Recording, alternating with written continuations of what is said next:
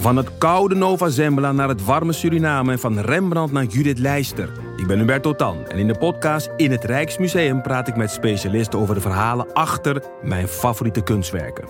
Nieuwsgierig? Beluister nu de nieuwe afleveringen.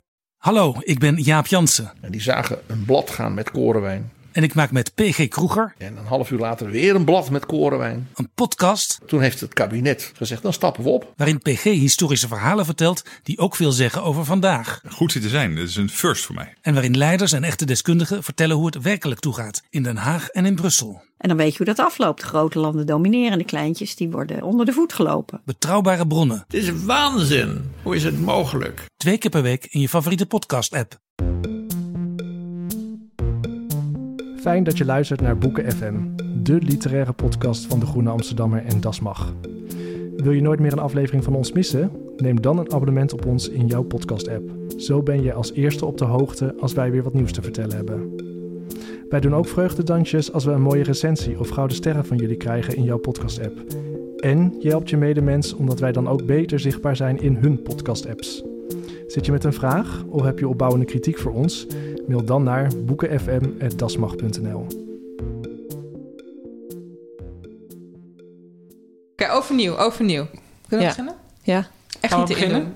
Zeg maar, zijn we eigenlijk al begonnen? We zijn eigenlijk al begonnen. As Staat always. allemaal op tape, Ellen. beginnen Ja. dan. Man.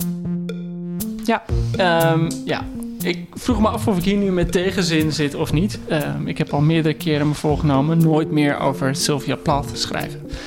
Op een of andere manier is die mythologie van haar te bekend, te legendarisch. Voelt het altijd aan alsof je je moet uitspreken voor of Sylvia of juist voor team Ted Hughes. Eh, dat je het altijd moet hebben over de schuldvraag rond haar dood. Eh, dat je het gevoel hebt alsof decennia feministische literaire kritiek met je over je schouder meekijken. Eh, maar dan elke keer is er toch wel weer een gekke nieuwe aanleiding. Heeft Connie Palme een roman over Hughes en Plath geschreven? Of maak je met de Groene een feministische leeslijst? En eh, trek ik weer het korte loodje en heb ik de taak om over Plaths enige roman te schrijven, De Glazen Stolp? Of bijvoorbeeld vorig jaar toen El Alvarez overleed, eh, een van de laatste mensen die Plath bij leven heeft gezien. en zichzelf nooit heeft vergeven haar wanhoop niet gezien te hebben. Eh, ik kan het niet ontlopen. En misschien moet ik dan ook maar nu gaan toegeven dat ik het inmiddels ook niet meer heel erg vind. Kwam ik eigenlijk achter. Tenminste, van toen de nieuwe, biblio- de nieuwe biografie van Plath uitkwam, nu net, De Rode Komeet door Heather Clark, eh, betrapte ik mezelf voor het eerst op dat ik eigenlijk niet kon wachten om het te gaan lezen. En waarom ook niet? Het verhaal van Ted en Sylvia heeft drama, het heeft verzengende liefde, het heeft prachtige poëzie en heeft een vrede, vrede afloop. Na haar dood schreef Ted Hughes aan een vriendin: Ik wil nooit vergeven worden. Ik bedacht niet. Ik bedoel niet dat ik een openbare tempel van rouw en vroeging zal worden. Eerder het tegendeel. Maar als er een eeuwigheid is, ben ik daarin verdoemd. Sylvia was een van de grootste, oprechtste geesten. En in de laatste maanden werd ze een groot dichter. En geen andere vrouwelijke dichter, op Emily Dickinson na, kan aan haar tippen. Kortom, we zijn er weer. Hallo. Je beste vrienden. Hi. Boeken FM, de literaire podcast. was zo gezellig. Ja, de literaire Tot nu. podcast over boeken en hun inhoud. En deze week hebben we de Plathcast. En ja, we gaan door met podcast woordgrapjes maken totdat we gewoon niet meer kunnen. Eh, we gaan het deze aflevering hebben over Ted Hughes en Sylvia Plath. Over wie ze waren, wat ze schreven, hoe hun mythologie tot stand is gekomen en hoe hun reputatie door de decennia heen is veranderd. Dit doen we aan de hand van de nieuwe biografie van Heather Clark, Rode Komeet. Verschenen bij de Arbei- Arbeiderspers, vertaald door iets van 51 vertalers. waaronder Aad Jansen, Astrid Staartjes, Bart, Bart Gravendaal, Marianne Palm, Nanny Plasman en Nicole Zegers. En we doen het aan de hand van Kraai, eh, de bundel van Ted Hughes, die nu voor het eerst in tweedalige editie verschenen is bij de Bezig Bij. Vertaald door Daan Doesburg. Ik ben Joost de Vries en bij mij zitten Bob Kappen, boekverkoper at large. Hi Joost. En daarnaast eh, op anderhalve meter Ellen Dekwiets, dichter, columnist voor NRC. Hi. Hey Ellen, jij wilde beginnen met een eh, trigger warning. Ja, want ik heb eh, wel eens lezingen ook gegeven over, niet alleen over Plaf, maar ook over mensen die net zoals Plaf eh, zelf voor een einde kozen.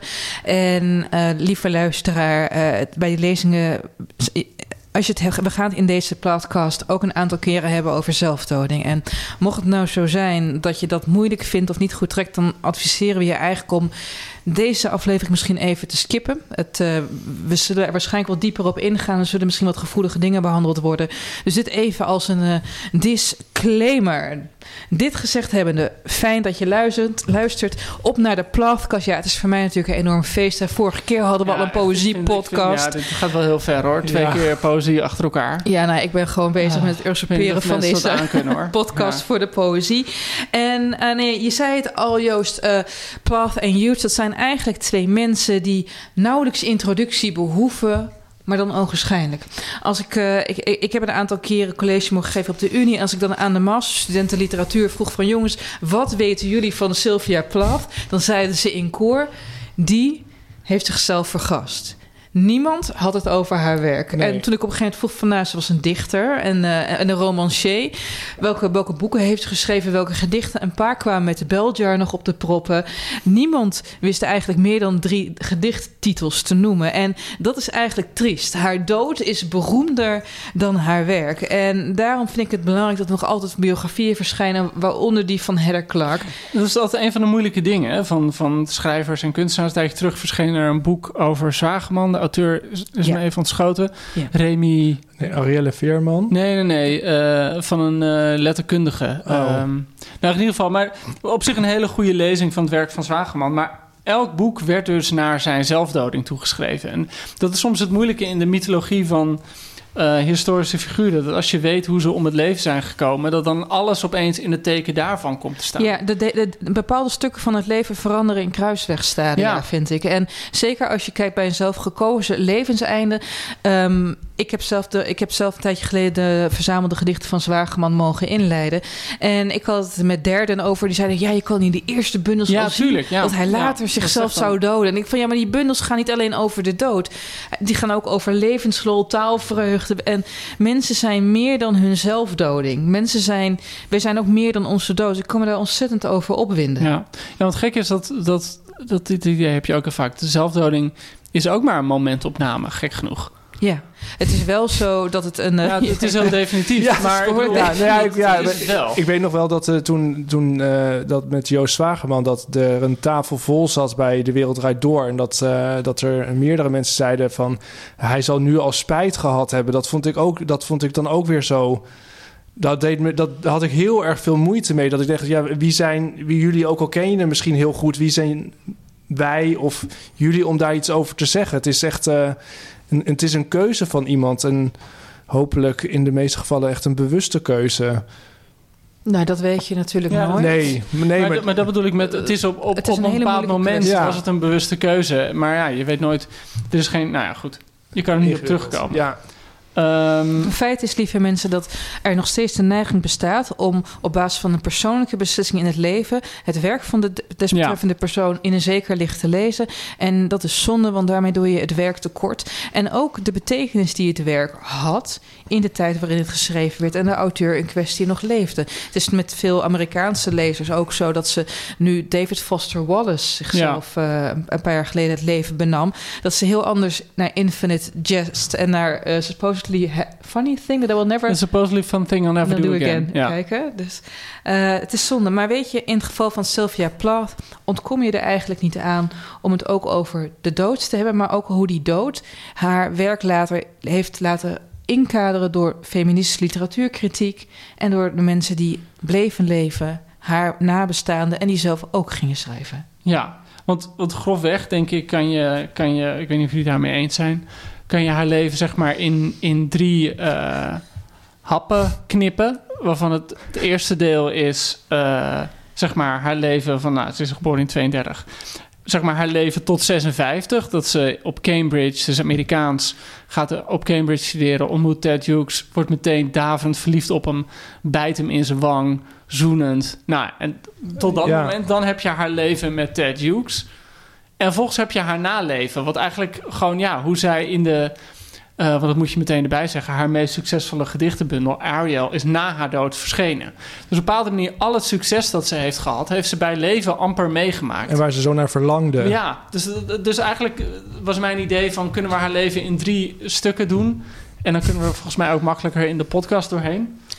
ja, dat, dat, lijkt me een goed idee. En zullen we dan gewoon eerst maar even haar leven schetsen, haar levensloop... en dat van huge, ja. Sylvia Plath, geboren op 27 oktober 1932 in Boston, Massachusetts.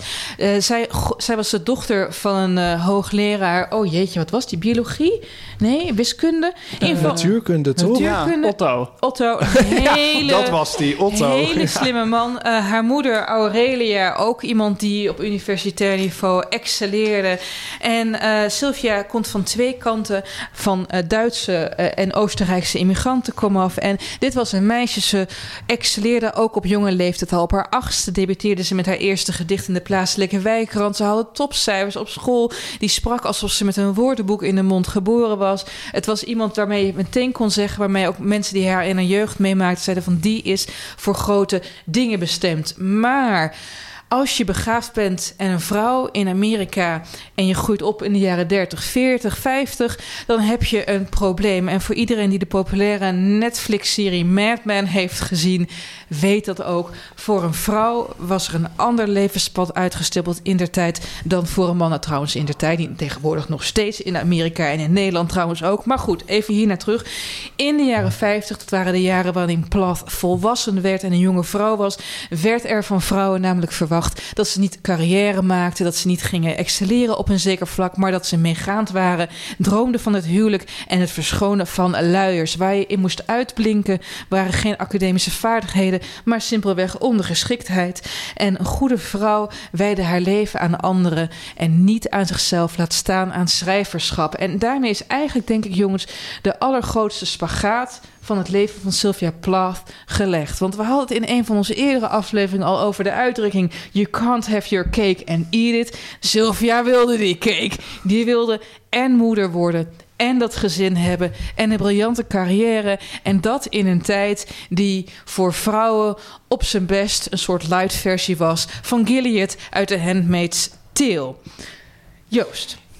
Ja, maar nou, laat, ja, volgens mij, ik, ik, daar kan ik natuurlijk weinig eh, tegen inbrengen. Maar wat, wat, wat je denk ik wel naast moet zetten is, want, want dit lijkt, eh, als je het zo zegt, dan lijkt het gevaar van de feministische lezing van haar leven ook heel makkelijk op de loer te leggen. Dit is natuurlijk ook gewoon iemand, een dochter van een rare vader en een rare moeder, waar ze een hele gecompliceerde band mee heeft. Eh, Vader overleed toen ze acht jaar ja, was. en, en dat was natuurlijk gewoon een soort van de grote streep door haar leven op dat moment. Dat is denk ik ook iets waar heel veel van haar poëzie later over ging. Haar bekendste gedicht, of een van haar bekendste, is natuurlijk Daddy. ja. Eh, een, echt een bizar gedicht. Eh, ik denk dat we straks wel iets uit gaan voorlezen. Je hebt ook een stuk vertaald. Ja. Wat, waar waar ze echt die vader ja, zoveel van hem houdt dat ze hem haat eigenlijk. En dat ze zegt van ik, ik volg je het graf in, gewoon om, je, om bij je te zijn. En, En dat is Eh, natuurlijk de frustratie van verlatenheid. Want toen ze acht was en haar moeder vertelde haar van... ja, je vader is dood, zei ze... nu ga ik nooit meer met God praten. ja, Maar ik vond het ook, dat was in de, in de rest van het leven zag je dat ook steeds. Ook in al haar ruzies later met haar moeder was het altijd, het, het was de meest verwerpelijke vrouw op aarde. Maar aan het eind wilde ze altijd weer een soort zichzelf in haar schoot werpen. Als, Precies. want je bent wel mijn moeder en ik hou van je en het spijt me. En, en dat, vind ik wel, dat vond ik wel erg indrukwekkend om te lezen. Steeds die, die ambivalentie in haar. Ja, en die, maar daar komen we dan al zo meteen pas op. Dat na, in dat naleven van plaats speelde die moeder natuurlijk ook een hele grote bepalende rol. Ja, en dat, Eh, ja. Maar daar komen we denk ik zo meteen pas, eh, zo meteen pas bij. Sylvia's leven was eigenlijk tot en met ze naar Cambridge ging toen ze een jaar eh, of Joost 24 was. Ja. was eigenlijk eh, een aaneenschakeling van drie Ja, dingen. 24. Daten als een malle, weet Ja. je wel. Ja, heel veel Ik- jongens. In die tijd, als zij Tinder had gehad, had ze Oh, een verzwikte duim uit- van het hem swipen. uitgespeeld, Tinder. Totaal uit. de eindbaas van Tinder. Maximale bereikbaarheidsstraal, weet je wel, van 500 kilometer. Ze had het gedaan. En dit is geen slut-shaming. Dit is gewoon iemand die heel erg op zoek was naar avontuur, naar liefde. Die ook ontzettend gefrustreerd was over de dubbele seksuele moraal. Op een zeker moment kreeg ze van een psychiater ook een, een passarium voorgeschreven. Omdat ze gewoon zo ongelukkig was dat ze maar met niemand naar bed kon. En iedereen die wel eens tiener is geweest, behalve Bob die seks haat. Die, nee, ik, ik plaag jou, Bob. dat is heel onaardig. Ik heb Dat het is heel zelf gezegd. Ik heb onaardig. het zelf gezegd. ja. En Ehm, niet alleen voor zichzelf, ook voor alle andere mensen die zeggen... Ja. Bob, Bob klopt op de deur en denkt... Ja. Mag niet, Mag mag, niet. niet. Ik kom uit Veenendaal, hè. Dus dat is, ja, Deze. Eerst trouwen, terug. eerst trouwen. Ja. Maar het zit natuurlijk ook heel erg... eh, laten we daar dan even naar, naar gaan. Eh, jullie hebben vast de glazen stolp gelezen. Zeker Dat is weten. een, een redelijk autobiografisch verhaal. Eh, het, het begint... Gek genoeg is dat... Ik heb eerder dit jaar eh, een bloemlezing gemaakt van het werk van... ik ga niet op de naam komen. Joan Didion. Eh, ik heb, ja, dames en heren, ik ben Joost de Vries. Ik weet mijn naam nog. Eh, en Joan Didion heeft... Gek genoeg is die een jaar ouder dan, eh, dan Plath. En die heeft hetzelfde gehad. Namelijk dat hij ook via een schrijfwedstrijd... Een, een stage heeft gewonnen bij zo'n damesblad in New York. En daar schrijft Sylvia heel uitgebreid over in haar, dus haar enige roman. Eh, The, Bell, Bell Jar heet in het, het geweldige openingszin uit mijn hoofd. Dit was: It was the summer they killed the Rosenbergs. Eh, daarin zit al een hele vooruitblik op het boek. eh, de Rosenbergs, waar zo'n spionage, een, een, man en vrouw die gearresteerd waren voor spionage voor de Russen, hoogverraad, ze waren betrokken bij het atoomprogramma. En die heeft de elektrische stoel, eh, hebben de elektrische stoel gekregen. Wat nog steeds heel tendentieus, dubieus proces is voor historici. En dat, dat werpt meteen helemaal vooruit op de roman. Want de roman eindigt er ongeveer mee dat zij elektroshocken krijgt... omdat ze in een zware depressie zit. En toen dacht ze nog van, dat is de methode om eruit te komen. Maar goed, in ieder geval dat eerste... Dat, dat boek is wel een soort van grappige knip zit erin. En je kan het dus... En dat laat dit, dit boek van Helle Clark ook mooi zien. Die, die trekt alle eh, parallellen tussen die roman en het leven. Maar daarin wordt helemaal, Ellen, wat jij net ook vertelde... dat ze dan in New York is en allemaal vriendjes...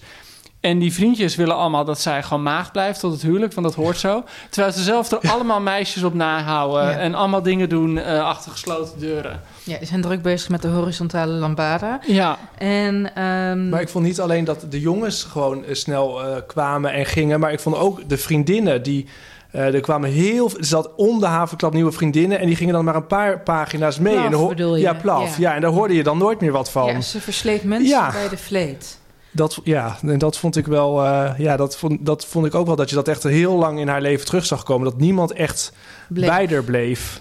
maar goed, toen heeft ze dus al, al redelijk jong, heeft ze gewoon haar eerste zware depressies. Ja, negen was het toch? Ja, En Eh, 21 toen ze in de inzinking had Ja. na een stage. Wat jij net Ja. vertelde, stage waar ook in de Beljar over wordt gesproken. Ze wordt uitgenodigd voor het prestigieuze blad Mademoiselle. Eh, zij verwacht dat ze daar het literaire kwartier in haar eentje ja. mag gaan vullen. Maar eh, in de praktijk krijgen ze vooral les hoe je als dame moet kleden. Ja. Moet je naar feestjes. En zij keert eigenlijk helemaal gedesillusioneerd terug met het besef dat de enige keuze die je als jonge vrouw in de jaren 50 in Amerika hebt, de enige keuze waarin je over zelfbeschikking beschikt, zelfdoding is. En dat doet ze uiteindelijk. En op, op, ik, dat, dat wordt ook in die biografie van eh, Clark heel uitvoerig beschreven. En daar schrok ik van, want er stonden dingen bij die ik niet wist. Op een gegeven moment eh, verstopt ze zichzelf onder het huis Ja. van haar grootouders. Achter een hoop haardblokken, die ze ook heel conscientieus weer opstapelt. Neemt een shitload aan slaappillen in. En wordt, nou, twaalf uur later wakker. Ontdekt dat ze nog leeft. En begint met haar hoofd tegen de betonnen fundering van de onderkant van het huis te slaan. Om zichzelf maar te doden. Dus je wil zo graag niet bestaan. En het is natuurlijk ook tegelijkertijd lelijk, maar een poëtisch beeld. Dat je onder het huis, wat de immigranten hebben gebouwd, wat ze hebben gedaan om een beter leven voor hun kinderen te krijgen, probeert met je hoofd jezelf kapot te maken op, aan, de, aan de hand van die fundamenten. Dat leven, nou goed, zij herstelt eh, dankzij elektroshocktherapie en de opname in een, eh, in een eh, ja, instelling voor ongelukkige mensen. Daarover gaat de Beljar ook. Joost, de Beljar eindigt met de mededeling dat Esther Greenwood, de ja hoofdpersoon, de hoofdpersoon, dus haar, haar alter ego. haar alter ego, totaal genezen is. Hadden jullie niet, toen je dat voor het eerst las, dat je dacht van, meh? Ja, maar Nou- dat komt ook, denk ik, omdat je weet hoe het leven van Sylvia zelf eindigt. Ah, Dat is natuurlijk een beetje. eh, omdat je ook, je leest het als haar alter ego. Dus je dan denk je wel van. Ja, ik, dit geloof ik niet. hmm. Ik vond dat ook te stellig om te zeggen dat iemand. Ja, Nou ja, voor mij is, is dat hetzelfde als, als haar dood. Het, het voelt gewoon aan als een momentopname. Ja. Ik kan me voorstellen dat je op zo'n moment denkt... dat er een moment is dat je denkt... oh, nu ben ik weer genezen. Eh, en, en je weet nooit hoe lang dat... eh, hoe lang geluk duurt. Of hoe lang stabiliteit duurt. Wat grappig is. Ook want omdat je in er zelf geen invloed op hebt. Ja. Ja. maar wat grappig is, omdat het natuurlijk in, in de American Dream, in het Amerikaanse maakbaarheidsideaal, het niet wordt voorgesteld als een, ehm, als een stadium dat komt en weer voorbij trekt, net zoals somberte of mismoedigheid, maar als een einddoel. Waardoor je ook een soort vernederende nederlaag ervaart wanneer je dan weer in een depressie vervalt. Maar goed, Plath herstelt, komt uit de instelling, is een zomer lang knijtermanisch. Zij, eh, ze verft haar haar Madonna blond, eh, maakt flink gebruik van het passarium die na afloop, nou, dan kan je mee zak lopen op een gegeven moment. Ik wil wel fijn dat je...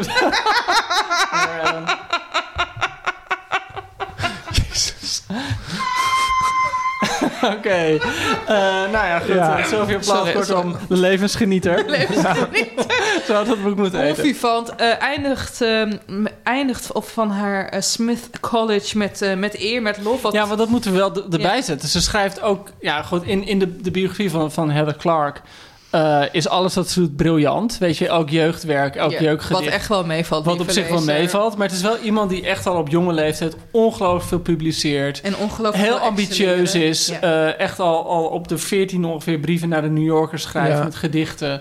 En echt wel- iemand die, die niet te houden is van ambitie. En wat ik dan een beetje storend vond aan de biografie is dat eh, hoe kritisch Sylvia zelf was op dat wat ze maakte, werd dan toch een soort van de hemel ingeprezen door, nou, door Heather Clark. Dat ik dacht, dat, dat, dat ik dacht, Ja, ze Ja, dat- heel veel dingen geniaal. ja, terwijl Sylvia zelf heel kritisch was. Ik denk dat is dan toch nergens voor nodig. Dan kun je dan toch ook gewoon, ja, nee, maar dan kun je toch gewoon in meegaan dan als je schrijft een biografie over Sylvia, niet een, een soort verhemeling. Nee, nou, ik vond, ik vond het niet per se hagiografisch hoor, de biografie.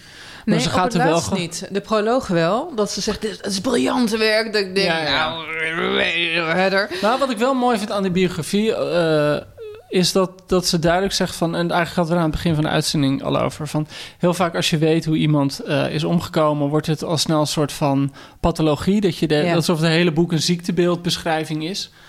Eh, en, en ik heb bijvoorbeeld een geweldig boek gelezen van een biografie van Robert Lowell, de dichter. Oh ja. En echt door een psychiater. Dus dan wordt Ja. alles naar, naar zijn manie eh, toegeschreven. Ja. Wat wel interessant is, maar ja, dat.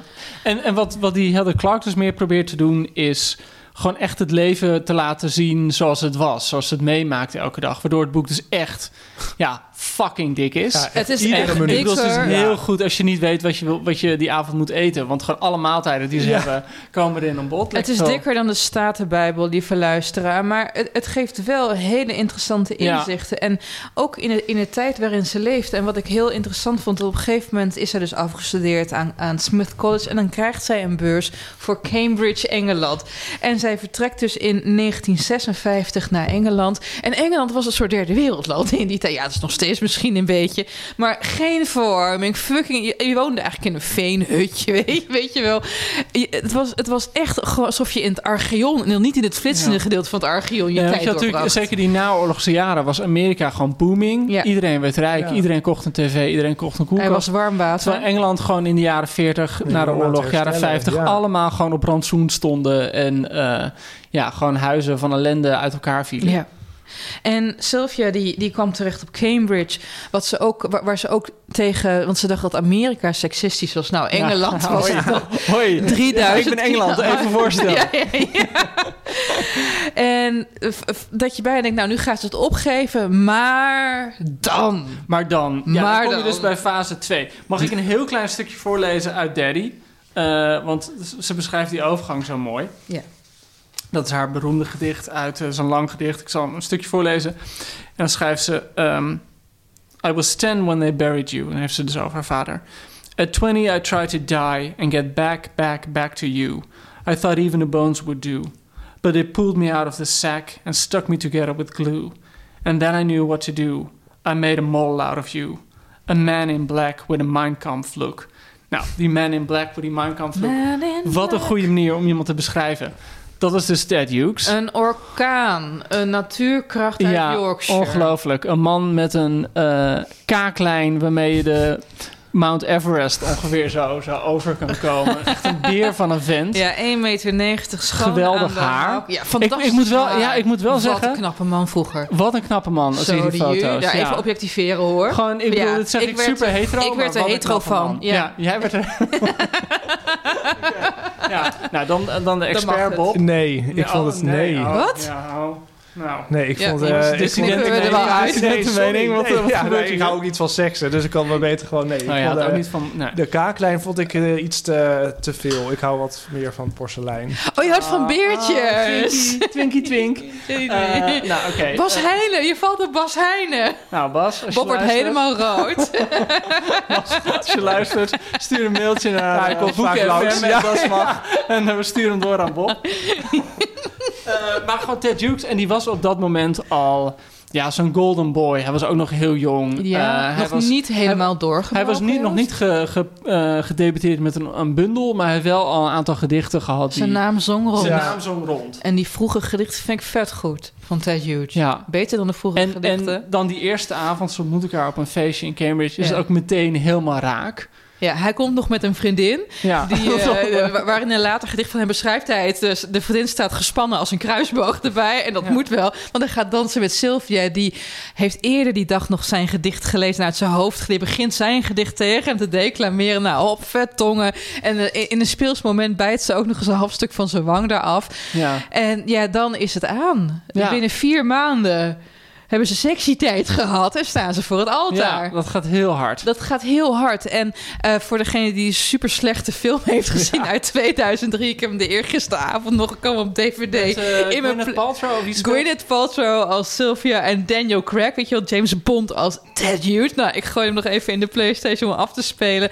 En daar zie je al wat voor een enorm verschil eh, de representatie is van die levens. Vergelijking met het echte leven zoals Clark dat schrijft in het boek. Want je ziet een heel liefdevolle huwelijkstijd. Ze houden heel veel van elkaar. Terwijl in de biografie, nou binnen een week na het huwelijk is het raak. Allebei knijterdepressief. Allebei een writersblok. Lopen zich de hele tijd op elkaar af te reageren. Gaan samen naar Amerika. Jutje zit er een beetje ja, in een hoekje. Hot, maar chagrijnig te zijn. Sylvia zit een beetje, ja...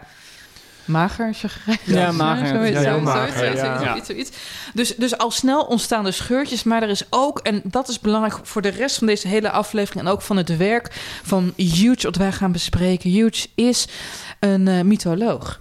Hij heeft zijn eigen levensmythe. Hij is gefascineerd door eigenlijk elke wereldmythologie die er is. Zijn werk is ook doorspekt met referenties aan de Welsche, de Egyptische, aan de Griekse mythologie. Hij is dol op het onleesbare, maar wel fascinerende werk van Robert Gra- Graves, The White Goddess, waarin betoogd wordt dat elke dichter eigenlijk een witte godin, een muze moet hebben. En ik hoor u nu denken, lezer, en eh, moet de vrouw dan een witte god hebben? Nee. Eh, er is- vrouwen zijn niet zo goed in dichten. Om maar meteen weer op dat seksisme terug te komen. En deze Ted Just is gewoon een natuurkracht. Als hij dus voor het eerst sectietijd heeft met Sylvia.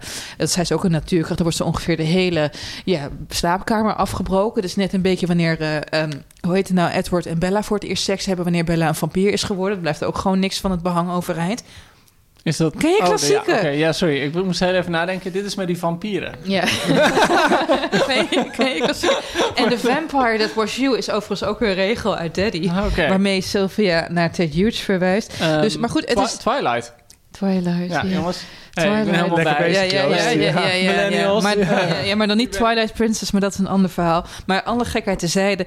Zij, t- zij werken samen en Sylvia die werpt zich eigenlijk meteen op als een soort literair agent voor het werk van Hughes. En ze typt zijn gedichten Typt uit. ze uit, stuurt ze in, maakt een bundel. Hij hoeft niks te doen. Hij heeft ook altijd gezegd dat als hij Sylvia niet was tegengekomen... dat zegt hij ook ergens nog in een van de gedichten van eh, Birthday Letters... zijn laatste bundel die over zijn leven met Sylvia gaat. Hij zei, dan zat ik gewoon op een Australische rols een beetje te Ja. Zij heeft Ja, hem ja, goed. gemaakt. En wat hij, dan, wat hij dan natuurlijk heeft, is dat inderdaad die hele, die hele myth, klassieke mythologieën. Die er, en natuurlijk het Engelse landschap. Het is echt de meest Ja. Engelse dichter. Dus hij heeft eindeloos veel gedichten over valken en uilen en dassen Vossen, en vossen en ja. eh, heggen en veldjes. En eh, ik bedoel, er werd wel vaak gezegd van hij kon, eh, hij kon geen egel zien lopen zonder er gedichten over te schrijven. Ja, maar, en, want, dat, dat is even, dat is namelijk ook een vooroordeel over zijn werk. Hè.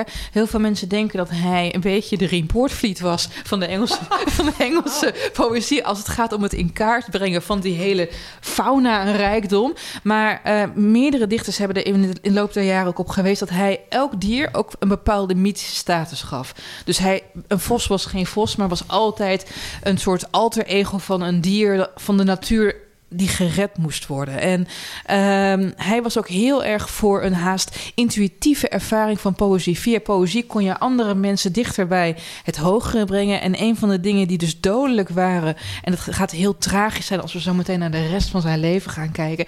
Een van de dingen die dodelijk zijn bij het goed begrijpen van poëzie is interpretatie. Op een zeker moment stuurt hij dan Engelse letterkunde, dan heeft hij een droom. En dan komt er vanaf, komt er vanaf de trap komt er een rechtopstaande vos van twee meter met een verbrand gezicht en verbrande poten. Die komt naar hem toe terwijl in die droom Huge een essay aan het schrijven is over een of andere dichter. En die vos die legt zijn bebloede, verbrande poot op dat essaypapier en zegt stop. You're destroying us.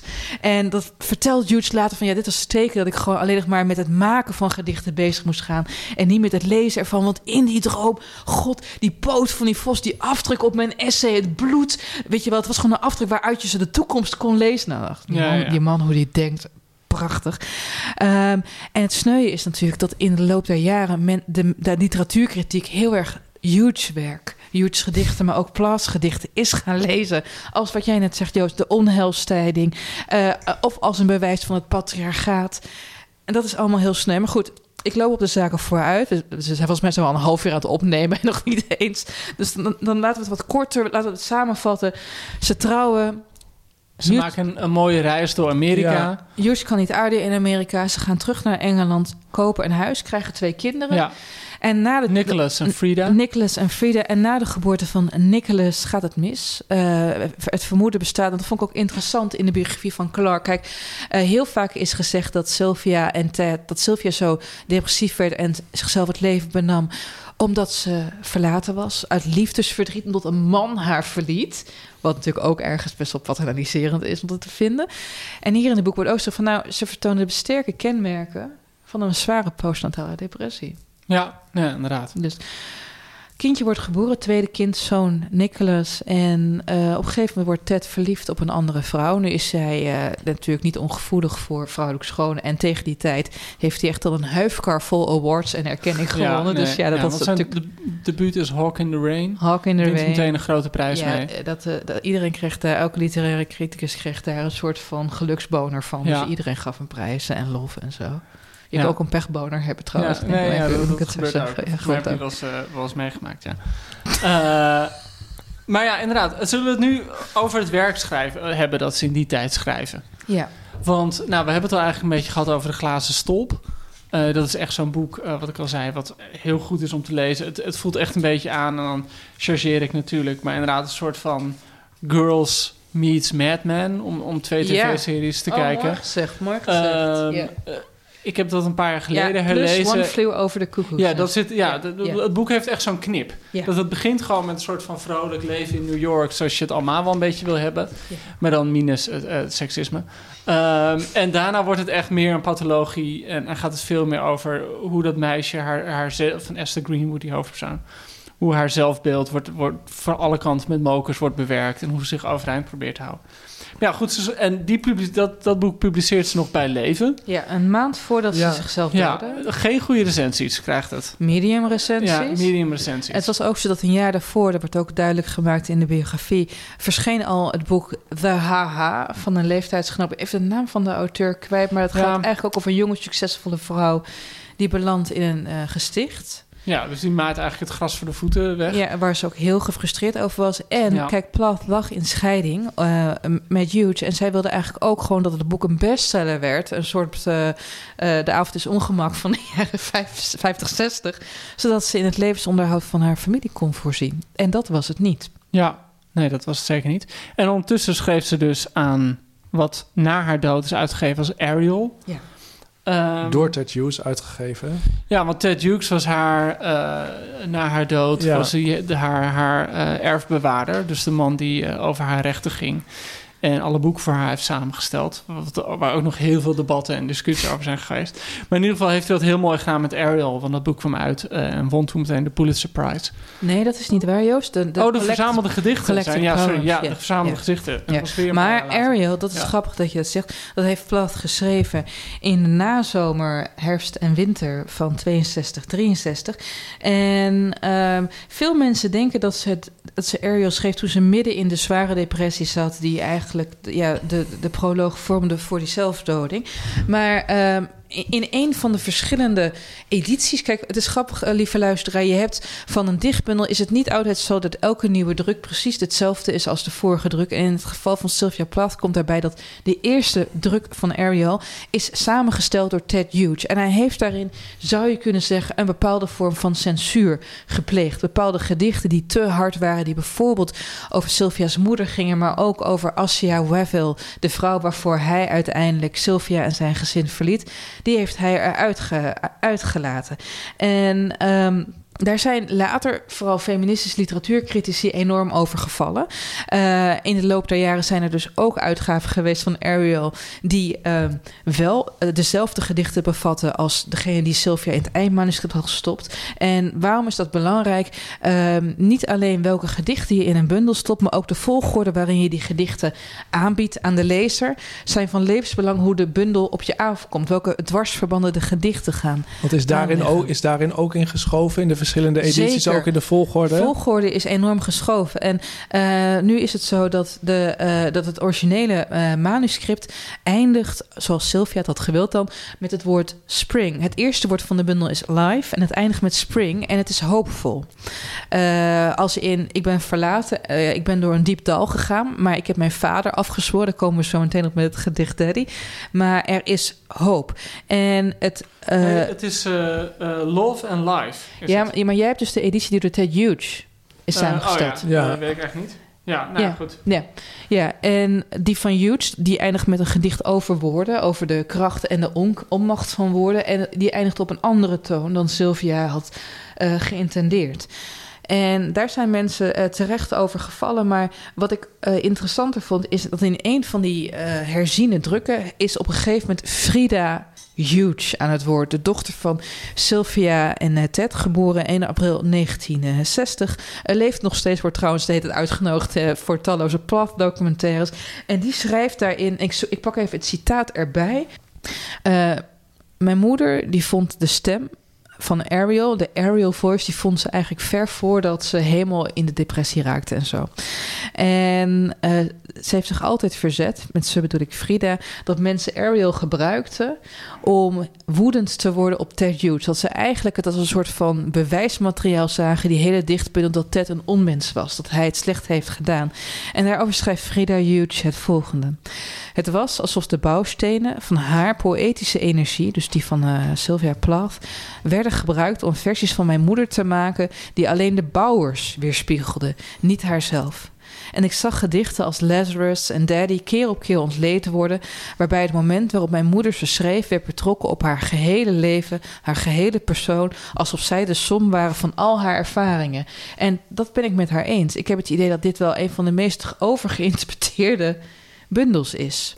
Uh, en weet je, we praten nu wel de hele tijd zo over deze bundel, maar laten we eens luisteren ja, naar hoe... wat erin staat. En Bob, jij vertelde me dat een van deze gedichten in de bundel jou heel dierbaar is. Ja, dat is Lady, La Lady Lazarus. Ik denk dat ik 16 of 17 was en ik woonde nog thuis in Veenendaal. En toen, toen Bob nog een Bobje was. Ja, en toen ik was, ik had rood haar en ik oh, nee. zat nog in de kast. Had je rood dus haar?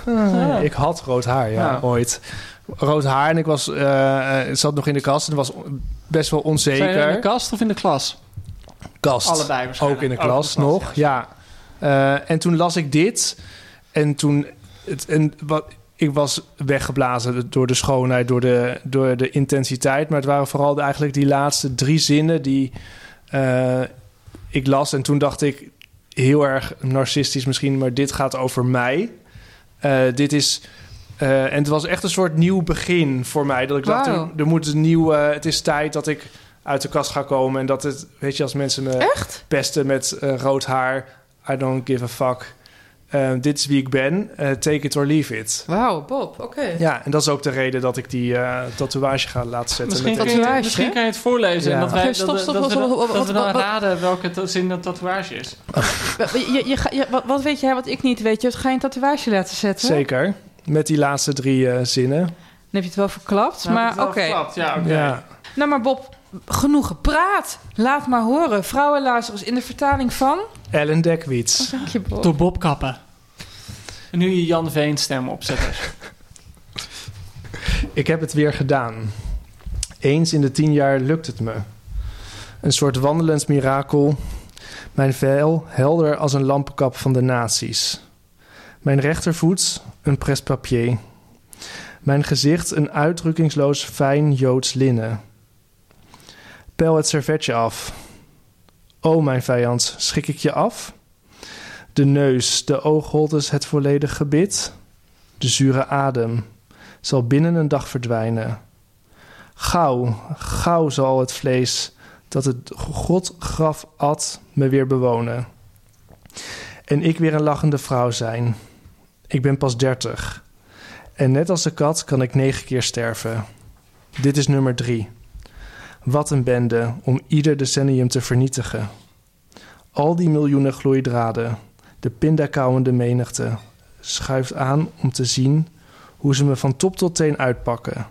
De grote striptease. Heren, dames, dit zijn mijn handen, mijn knieën. Ik ben misschien van vlees en been. Maar ik ben desalniettemin dezelfde, identieke vrouw. Toen het voor het eerst gebeurde, was, het, was ik tien. Het was een ongeluk. De tweede keer was het mijn bedoeling om het uit te zitten en niet terug te komen. Ik wiegde gesloten. Als een schelp. Ze moest roepen en roepen. En de wormen van me afplukken als kleverige parels. Sterven is een kunst, net als de rest. En ik doe het bijzonder goed. Ik doe het zodat het hels voelt. Ik doe het zodat het echt voelt. Je kan zeggen dat ik een roeping heb. Het is makkelijk genoeg om in een cel te doen. Het is makkelijk genoeg om het te doen en erin te blijven. Het is de theatrale terugkeer op klaarlichte dag. Naar dezelfde plek, dezelfde kop, dezelfde brute vermaakte kreet. Een wonder dat me meteen knock-out slaat. Er is een prijs om mijn littekens te mogen zien. Er is een prijs om mijn hartslag te mogen beluisteren. Hij doet het echt. En er is een prijs, een zeer hoge prijs, voor een gesprek of een aanraking, of voor een beetje bloed. Of voor mijn haren of mijn kleren. Dus, dus, her dokter, dus, her vijand, ik ben jullie opus, ik ben jullie kostbaarheid, de 24 karaats gouden baby. Die smelt tot een schreeuw. Ik draai en brand. Denk niet dat ik je bezorgdheid onderschat. As, as. Je pookt op en roert. Vlees, bot, er is niets meer over. Een stuk zeep, een trouwring, een gouden vulling. Hergot, her Lucifer, pas op, pas op. Uit de as herrijs ik met mijn rode haar en ik eet mannen als adem. Nice, Bob. Nice, Bob. Dat rode haar. Ja, dat was een klap voor jou toen je dat las. Ja. En dat je mannen mag eten als adem en dat het niet uitmaakt. Nee, precies. Al denk ik dat in het geval van Platsen en misschien wraak eerder mee bedoel. Ja, maar dat is... Misschien was voor mij ook wel een soort wraak op de periode dat je in de kast zit. Dus dat het een beetje de andere kant op werkt. Dat, het, dat je zo lang in de kast hebt gezeten en dus iets niet mag, wat je Mhm. eigenlijk wel wil. Of misschien is het meer dat het niet durven is. Mhm. En dat dit voor mij echt een soort startschot was om ehm, eh, achter, de ma- achter de mannen aan te gaan. Want, want hij, je had toen ook nog nooit met een man gezoend? Jawel, een beetje in het fietsenhok, maar goed, ja. In Veenendaal? In Veenendaal, in ja, het ja, fietshok. Ja, ja. dat is de enige plek in Veenendaal waar je me kan zoenen, denk ik, met mannen. Maar dat, Ja. dat is wel een van de mooiste dingen natuurlijk van poëzie. Waar we het vorige keer over Louise Glik eh, ook al over hadden. Dat je soms een gedicht hebt, want dit gedicht gaat natuurlijk niet over uit de kast komen op een bepaalde manier. Maar er hoeft dan gewoon maar net twee zinnen in te zitten in zo'n gedicht waar, waar je gewoon aan blijft hangen. Ja, en dat, die waardoor het landmijn. gedicht- het Ja, die landmijnen. Ja. En dat is toch gewoon echt het, het, het, het heerlijke van poëzie altijd. Ja, mee eens. En het is ook vaak, dat vind ik ook zo fijn aan, ook altijd niet noodzakelijk een doel. Dat je denkt, oh, wat een mooi gedicht heb ik gelezen, maar een middel. Want anders hadden wij nu nooit geweten dat jij in het fietshok van Veenendaal al wel zoentjes had eh, uitgewisseld. hey, dit gedicht, uh, hier is veel destijds om te doen geweest. Ja. Um, veel mensen hebben het natuurlijk geïnterpreteerd als van... kijk, dit is de helsbestemming. Ze lezen het louter in de dood van, uh, uh, van Plath zelf. Um, maar er is hier meer aan de hand. Want mensen hebben zich destijds... en volgens mij nu nog steeds wel... boos gemaakt over toe-eigening. Dat uh, Plath, die dus afstamt van Duitse en Oostenrijkse immigranten... hier doet alsof ze van Joodse kom af is. Hier woorden gebruikt. Je zou kunnen zeggen dat het een vorm is, met, om het met een modern woord te zeggen, van cultural appropriation. Ja, Wat vinden wij daarvan? Waar we het net over hadden, dat daddy. Uh, waarin ze haar vader dus ook op een gegeven moment gewoon met een nazi vergelijkt. En haar vader was dus absoluut geen nazi. Nee. Echt uh, lang voordat het nazisme opkwam, was hij al naar Amerika gevlucht, geëmigreerd. Ja. Uh, en dan schrijft ze: um, Je was een Duitser voor mij en de taal obscene was als een stampende, stampende trein die mij afvoerde als een Jood naar Dachau, Auschwitz, Belzen. Mijn stem werd Joods. Ik ben vast een Jood. Straks later. Ik was altijd bang voor jou, jouw loefwaffe, jouw stadhuisstaal, jouw keurige snor, jouw Arische oog, felblauw, jij panzerman, panzerman. Uh, dus, dus, Wacht even, vertaling van Anneke Van Anneke Brassinga, ja. ja, ja, ja, het, uh, uh, en, en daar zit dat natuurlijk ook helemaal. Dat ze eigenlijk haar persoonlijke verdriet linea recta met de Holocaust vergelijken. Ja, daar was ze op jonge leeftijd ook al mee bezig, toch? Want dat staat ook in die biografie van Clark. Dat het, dat, het, dat Duitse was al, in, ook in, toen ze nog jong was en in haar puberteit, een enorme fascinatie. Dat Duits maar niet, leren. Maar niet nazi's, nazisme. Nee, nee, nee, dat, nee. dat niet. Nee, maar, maar gewoon Duits, het Duits, ja, goed, maar nou, Duits nou, leren. Toen het boek en, uitkwam, ja. werd het hier dus heel veel mensen om. Omdat die dacht boos. Omdat die dacht, ja, hoe durf je jezelf Ja. Uh, met de Holocaust te vergelijken? Maar als, als ik daar iets... Ik heb daarover nagedacht, want dat had ik toen ik het voor het eerst... Kijk, uh, we komen zo meteen nog wat meer denken op Daddy. Wat een gedicht over 16-jarige leeftijd gesproken, Bob. Dat hing op mijn 16e op mijn spiegel. Dat, dat vond ik zo bizar. Uh, mijn vader is ook half Duits, dus er zit ook een soort herkenning in. En ik had het in de tijd, en ook toen ik dit later ook tijdens mijn studies... dit gedicht moest analyseren, had ik er te moeilijk mee. Tot ik op een gegeven moment besefte dat de jodenvervolging ook als je kijkt naar het leven van Plath, voor Plath net zo voelde als de indamming van de vrijheden van vrouwen. Het reduceren van vrouwenlichamen tot iets wat je louter inzet voor dienstbaarheid. Of desnoods om er dingen van af te halen, dingen aan te Weet je wel, je, je, je bent niet meer de baas over je eigen lichaam. En eigenlijk schakelt zij in dit gedicht, vind ik, het Derde Rijk gelijk met het patriarchaat. En dat is heftig, maar van daaruit kan ik het wel weer begrijpen dat ze, uh, dat ze wel recht heeft om de, de, de, het fascisme hierin te zetten. Wat denken jullie? Of recht hebben, dat vind ik zo'n lullig woord. Maar ik begrijp het. Ja, ik begrijp dat het even heftig... Het is voor haar ook een zaak op leven of dood. Want omdat zij niet meedraaide in die maatschappij... kwam die opsluiting, kwamen die elektroshocks... En zij wist ook dat ze nooit meer die elektroshock zou gaan doen... dat ze eerder zichzelf dan van het leven zou beroven. Ja, en Derry zit ook een beetje dat ze zegt... Uh, vrouwen aanbidden een fascist. De laars in de nek. Het brute, brute hart van een brute als jij. Maar goed, ja. daar, daar is het... Aan de ene kant kan je dat inderdaad op het patriarchaat... Uh, ja, projecteren. En dan, dan zit je een beetje in zo'n feministische lezing. Aan de andere kant zit er denk ik ook in dat ze een soort van... Uh, en, en, daar kunnen mensen boos om zijn, denk ik. Het, het voelde ook wel echt aan als een, staal, als, een, als een stijlmiddel. Ze wil in bijvoorbeeld dat gedicht Daddy wil ze van haar vader ook een soort van opper... Stormbouwvuur. Ja, ja, opper een soort van hoofdschul, een hoofdschuldige voor haar leven. Het grootste kwaad dat ze kan bedenken. En ja, dan snap ik dat je die, die vergelijking met, uh, met Auschwitz maakt en met het Derde Rijk. Het gekke is, ik heb er zelf, als je dat nu leest, uh, zo ook als het een stijlmiddel is, geen moeite mee. Maar ik kan me voorstellen dat je dat in, in de jaren 60, zo kort na de oorlog, dat dat veel gevoeliger lag nog. Uh, dat het van die woorden waren die niet eens durfde uit te spreken. Nu klinkt een, een man in black with a Mindkampf look klinkt gewoon behoorlijk tof. Ja. Uh, maar in die tijd was het natuurlijk echt gewoon, ja, wauw, wat zeg je daar? Ja, weet je wel? ik zou je wel de andere kant op swipen hoor, op Tinder als ja, dat er stond. Ja, als, als, als dat zeg maar mijn, Ja, mijn ja. beschrijving was. Dat, dat, doe dit maar even niet, ja. Ja, nee, dat ben ik met je eens. Nee, ik wou zeggen, oh, wat hoor ik daar? Is er een vraag? Oh mijn god, vragen. Is het een Oh, merel? nee, is het een merel? Ik me helemaal kapot. Ja, een hele rare wereld. Hallo. Hey Merel, jij bent er ook. ik ben er ook, ja. Er is nog post. In stilte. Ja, er is post, zeker. Eh, er is een, eh, een vraag binnengekomen van Nathalie. En die eh, schrijft het volgende. Beste Bob, Joost en Ellen. Allereerst wil ik mijn dank uitspreken voor het maken van de podcast. In alles is te merken dat jullie er zelf ook plezier aan beleven. Fijn.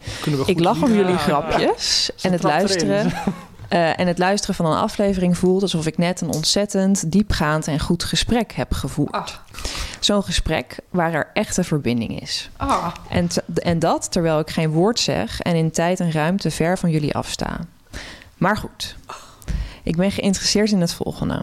Ik ben van nature wat afkerig van hypes. Ik heb nooit aan Zumba gedaan, quinoa gegeten of dad sneakers gedragen. Wat voor sneakers? Dad sneakers. Ik heb dit gegoogeld. Eh, het zijn dus eh, van die witte sneakers die je, die je vader ha- had kunnen dragen in de jaren negentig. Dad sneakers. Ehm, jullie draaien al een tijdje mee in de literaire wereld. Kan je in deze wereld ook spreken over hypes? Welke onderwerpen waren bijvoorbeeld vijf jaar geleden helemaal hip en hot en zijn nu passé? En welke trends zijn er nu zichtbaar? Mij valt het op dat menig blogger slash vlogger een boek uitbrengt. Vaak iets over lifestyle of over plannen. Onderwerpen als klimaatproblematiek, maar ook discriminatie op basis van huidskleur, tussen haakjes, zie ik vaak terugkomen. Ik ben benieuwd naar jullie ideeën en een mening hierover. Hartelijke groet, Nathalie. Hey Nathalie. Bob, heb je, zie jij dat nou niet in de boekhandel gewoon heel erg voorbij komen? Ja, het is wel. Bij, bij, bij, bij Atheneum eh, we zijn allemaal al mijn collega's, ik en al mijn collega's zijn verantwoordelijk voor een bepaald deel van de winkel. Dus ja, je, je bladert alles wel door, maar eh, je bent er niet dagelijks mee bezig. Ik koop veel literatuur in, maar ik zie wel, wat mij vooral heel erg opvalt, is dat iedere bekende, iedere bekende Nederlander schrijft tegenwoordig een boek. ja. Dat is echt, eh, je kunt het zo gek niet bedenken. Weet je, een boek over Martien Meiland. Het is Patty Bart, die gaat nu ook een kinderboek. Ik zou stiekem heel erg van Patty Bart. Ja, ik vond het boek van Patty Bart heerlijk. Ja, ik vond dat ook zalig. Nee, Hard maar, voorgelezen. Echt geweldig. nee, maar dat is, dat is gewoon wel wat ik wel heel erg vind. En de zoon van Anthony Kamerling. En het is gewoon, het is niet per se dat al die mensen geen boek zouden mogen schrijven. Maar dat is iets wat ik wel, eh, wat me steeds, erg, steeds meer opvalt. Eh, en dat is ook natuurlijk eh, met Amerikaanse mensen die in tv-series zitten. Dat wordt ook allemaal vertaald. En dat komt allemaal het, het water over, om het zo maar te zeggen. En dat is wel... dat is wel een trend die je ziet. Dat iedereen die bekend is ook met een boek komt. Dus het boek is ook nog een soort... iets, een beetje het hoogst haalbare misschien... voor veel mensen. Dat een boek een soort ultieme Ja, het is wel een gekke bekroning want, van eh, bestaan Ja, is. inderdaad. Terwijl tegelijkertijd dat het, het medium boek weer omlaag trekt. Als ook een Mogol er eentje schrijft. Ja, het ligt er een beetje aan, aan wie je het vraagt. Het ligt eraan aan wie je het en, vraagt. en ja, kijk, je hebt natuurlijk ook thematische hypes. Ik bedoel, je hebt nu natuurlijk heel veel boeken die met kolonialisme te maken Ja. hebben. Eh, je hebt natuurlijk nu heel veel boeken die met racisme te maken hebben. En eh, Een paar jaar geleden was het depressie. Zag Depressie heb je heel veel. je hebt op een gegeven moment echt van die eh neuronovels werden die genoemd. Zo'n hele reeks boeken, romans. Eh, die dan eigenlijk een soort van wij zijn ons brein-achtige analyse op de personages loslieten. Ehm, ja, je hebt natuurlijk periodes gehad dat alles over de oorlog ging. Eh, Dus je ziet denk ik, je ziet het een beetje opvlammen. En, ik kan, en, en dat duurt inderdaad ook een tijdje. Eh, Een paar jaar geleden had je ook dat het opeens heel hip werd om echt flinke stukken essays te vermixen met autofictie. Maggie Nelson, eh, de Argonauten moet ik aan Ja. denken. Lieke Marsman. Lieke eh, Marsman, zeker, ja. ja eh, Hans, Ma- eh, Hans Maarten, Maarten van de Graaf. Ja. Niet Hans Maarten van de Graaf. Dan maak ik een soort van gekke, gekke chimera van hem. Eh, nou ja, ja, goed. En dus, dus je hebt inderdaad van die thema's. En het, het moeilijke is altijd op het moment dat zo'n... eh, dat lijkt mij altijd heel lastig. Ik, ik weet het, het voorbeeld van ehm, Willem Otter... die bezig was met een boek dat geschreven was vanuit de foetus van een zwanger kind. Of van een zwangere vrouw. Eh, en toen vervolgens kwam opeens Abdelkader Benali met een boek uit. Brief aan mijn dochter. Eh, nee, nee, nee. eh, nee ehm, eh, de lang verwachte, waarmee hij de Libris won. Oh ja. En ja, dan, Ja. Kan je, dan, dan ben je dus als schrijver gewoon ge- gekokblokt, in Ja. feite. Want ja, dan kan je niet nog eens dat boek schrijven. Dus die heeft het toen helemaal omgegooid. En, en ik kan me voorstellen dat je dat de schrijver meer hebt. Dat als je nu een boek schrijft over iets dat nu een hype is... en jij komt vier jaar of drie jaar of twee jaar later uit, dan ben je eigenlijk alweer te laat.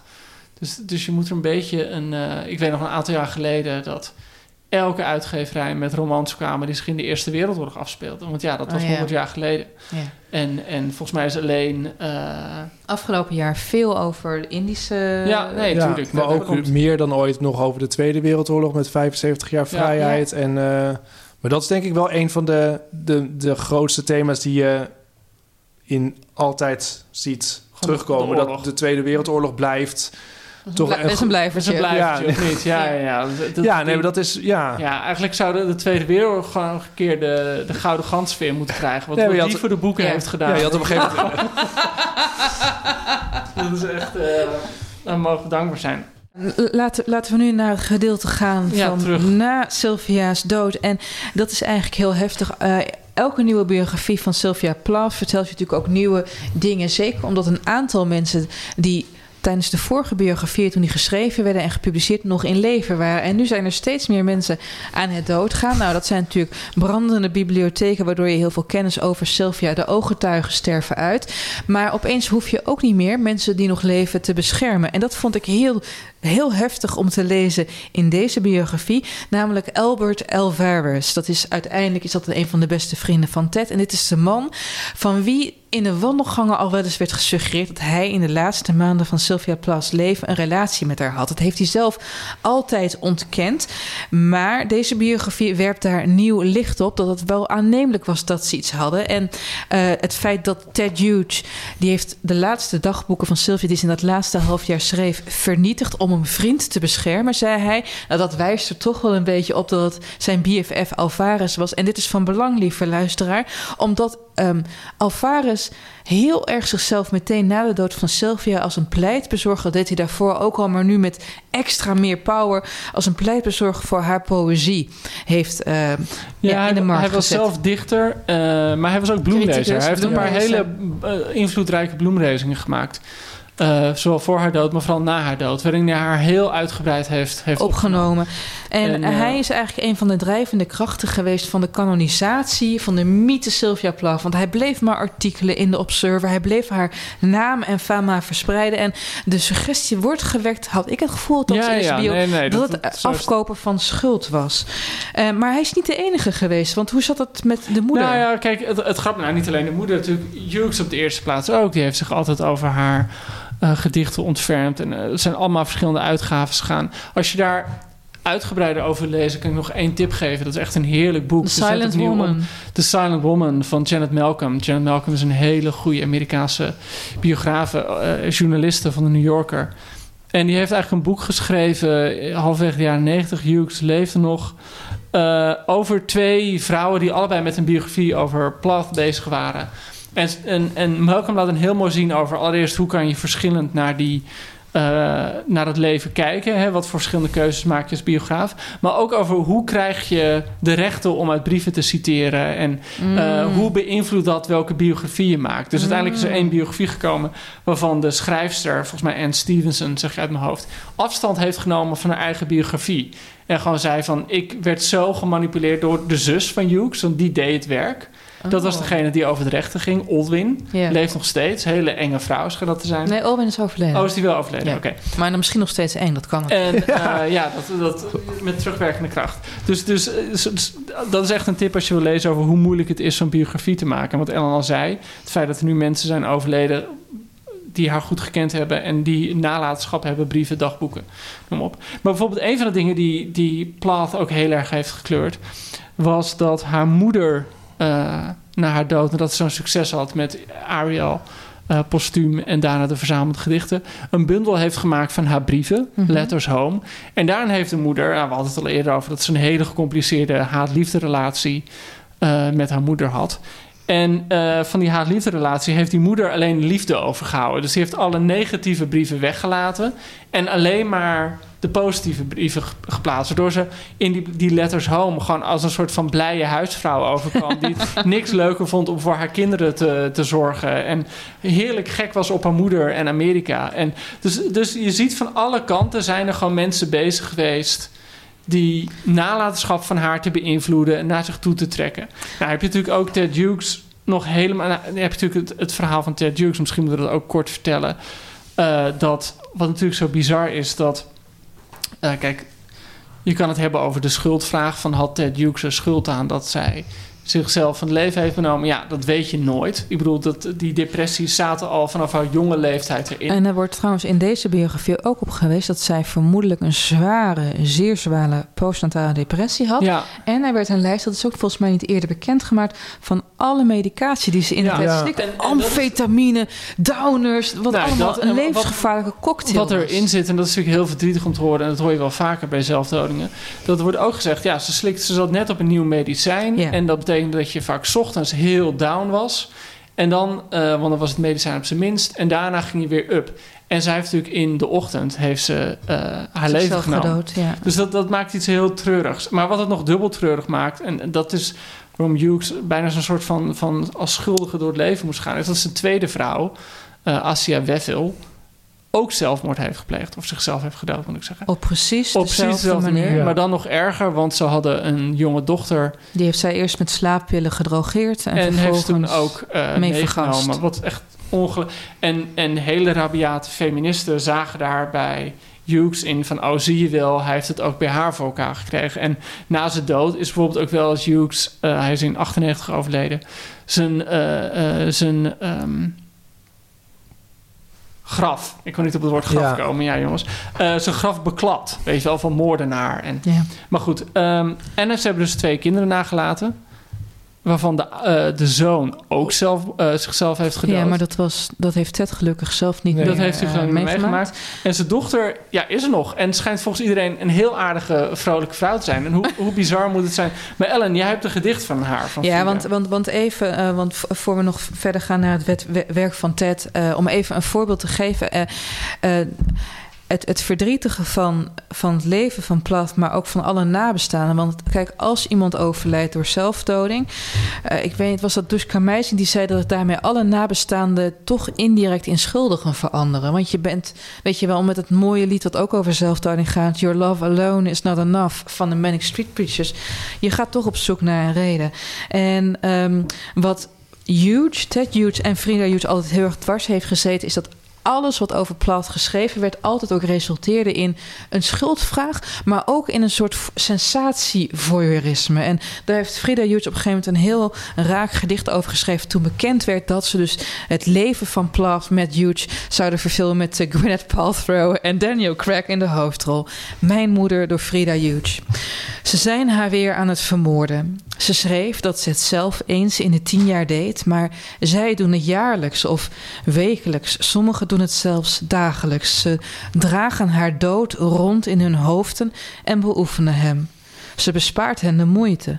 Ze kunnen via haar sterven, zonder zelf de keuze te hoeven maken. Mijn begraven moeder wordt opgegraven voor reprise na reprise en nu willen ze een film maken voor iedereen die niet in staat is om zich het lichaam voor te stellen. Het hoofd in de oven, het tot wees maken van kinderen, zodat het kan worden teruggespoeld, zodat ze haar weer opnieuw kunnen zien sterven. De pindakouwers, vermaakt door mijn moeders dood, zullen naar huis gaan. Elk met hun eigen herinnering aan haar, levenloos, een souvenir. Misschien kopen ze de DVD wel. En iemand op tv te zien betekent dat ze alleen maar op pauze hoeft te drukken. Als ze water op willen zetten, terwijl mijn moeder op het scherm haar adem inhoudt en pas sterft na de thee. De filmmakers hebben lichaamsdelen verzameld. Ze willen ze aan me laten zien. Ze hebben kleding nodig om de gewrichten te bedenken en de protheses te verbergen in de remake van mijn moeder. Ze willen haar poëzie gebruiken, bij wijze van hechtdraad, om het allemaal geloofwaardig te maken. Ze denken dat ik het te gek zal vinden om haar terug te hebben. Ze denken dat ze mijn moeders woorden moet schenken om de muil van hun monster te vullen. Hun Sylvia zelfmoordpop, die zal lopen en praten en sterven als zij er zin in hebben. En sterven en sterven en altijd aan het sterven zal zijn. Heel mooi. Heel heftig. En heel mooi, inderdaad, alle verwijzingen naar. Het werk van Sylvia. En dat zie je ook in het werk van Ted Hughes. Kijk, je vertelde dus net over die uh, dood van Asia Weville, dus zijn tweede vrouw, op dezelfde manier als Sylvia. En ik heb dus um, de brieven van Hugh erbij gelezen. Uh, en daarin zei hij op een gegeven moment na die dood, er knapte iets in hem, logisch. Weet je, dat, dat, je, dit is gewoon, dit, dit valt gewoon je niet voor te stellen. En hij begon een eigen mythologie te ontwikkelen. Hij bedacht een personage kraai dat zich verzette tegen God. God die zogenaamd een perfecte schepping had gemaakt, maar als er zulke dingen in konden gebeuren, dan was er toch wel iets mis. En het mooie is dat is, wordt gezien als een van de grote meesterwerken uit de Engelse letterkunde van de 20e eeuw. Het leven van Kraai. Uh, onlangs moet ik zeggen, erg mooi vertaald. Uh, Daan Doesborg, ja, ja, echt mooi heel uitgegeven bij de bezig. Heel mooi uitgegeven. Ik vind het toch heel fijn, zo'n tweetalige uh, vertaling. Het is echt heel, dus je hebt op de linkerpagina het Engels en op het rechter het Nederlands. En weet je, het is misschien hard, want je voelt je, ook als je de biografie leest, een enorme voyeur. Maar toch komen die gedichten daardoor harder aan. Je begrijpt meer van die gedichten. Uh, uh, ik, ik zal, zal ik een paar regels citeren. Ja. Kraai, en Kraai moet je weten, lieve luisteraar, is in deze dichtbundel een ander persoon, uh, een, een, een hoe noem je dat? ja, jongens, dit is Ellen een week later. ja, schaam, ja, ja, ja, schaam, schaam. Ja, we zijn dus nu al bezig met, een, met het opnemen van de volgende podcast, maar wij ontdekten het dat, dat, dat, dat, dat onze, onze recorder uit was gevallen. Dus we hebben echt gewoon... De laatste dit... tien minuten in het luchtledige gepraat. Ja, dus wij, wij, wij zullen dit nog aanvullen. Uh, toch Joost, we zullen, we zullen dit even, even uit het geheugen... want we hadden een prachtig einde zullen we uh, jullie uh, vertellen wat wij in die laatste tien minuten hebben gezegd. Het zal niet meer voorkomen, maar jullie begrip daarvoor. Um, lees allemaal Kraai van Ted Hughes. Vertaald door Daan Dusborg. bij de bezig bij. En lees dan ook maar de biografie van Sylvia Plath. Ja, en we hadden voor de biografie uit mijn blote hoofd een, uh, een 8,2 als cijfer gemiddelde. En een voor prachtig de, gemiddelde. Een prachtig gemiddelde. En voor die van Kraai hadden we een 9 min. Een 9 min. Ja, als gemiddelde. Ja, ik vond het echt geweldig. Dus, uh, ja, ik vond het heel mooi. Heerlijk. half eigenlijk. Oh, oh ja. Tot een heerlijk epische poëzie. Oké, okay, super mooi. Tot hier en niet verder. Tot hier niet verder. We gaan het door met de volgende aflevering. Jongens, sorry. Wij zijn ook maar mensen en techniek is vuilbaar. We houden van jullie allemaal. Dag. Echt waar. Bye bye. Dag.